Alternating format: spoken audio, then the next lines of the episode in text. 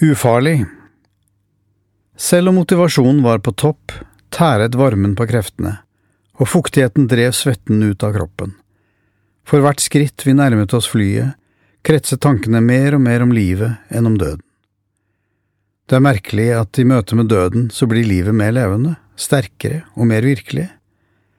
Jeg tok meg i å oppsummere ikke pappas liv, men mitt eget.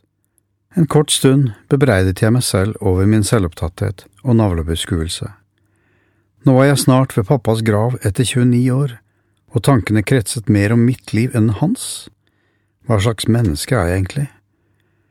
Jeg kjente en merkelig tilfredshet over å ha oppnådd mye på mange områder, samtidig som jeg i erkjennelsen av at minst halve livet har passert, kjente en utilfredshet over ikke å ha utrettet mer i livet.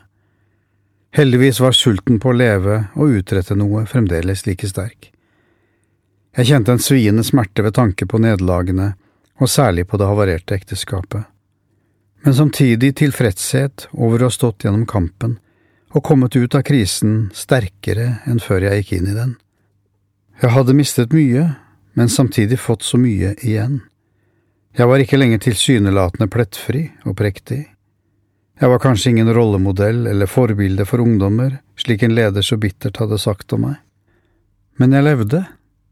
Jeg hadde bodd alene med to barn fra 11- og 14-årsalderen og sett dem vokse opp til å bli to flotte, kreative, gode mennesker.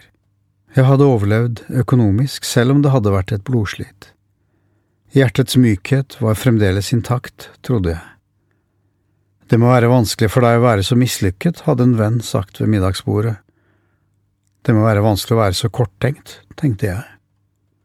Jeg var ikke farlig lenger, så folk betrodde seg mer enn før. Maskene falt av hyppigere nå. Bekjennelsene satt ikke så langt inne lenger i de stille samtalene. Gråten over eget liv fikk lettere utløp. Fordi jeg også var mislykket. Et sprukket kar, et merket menneske. Det er kanskje lettere å kjenne seg selv igjen i en annen som også bærer merker etter torner i sin panne. Det er kanskje lettere å gråte når ens egen smerte kan gjenkjennes i en annens øyne. Jeg er nok ingen rollemodell, eller et edelt menneske, men jeg henger iallfall sammen fortsatt, tenkte jeg, og kjente at frustrasjonen ga energi til å gå litt raskere på den ulendte jungelstien.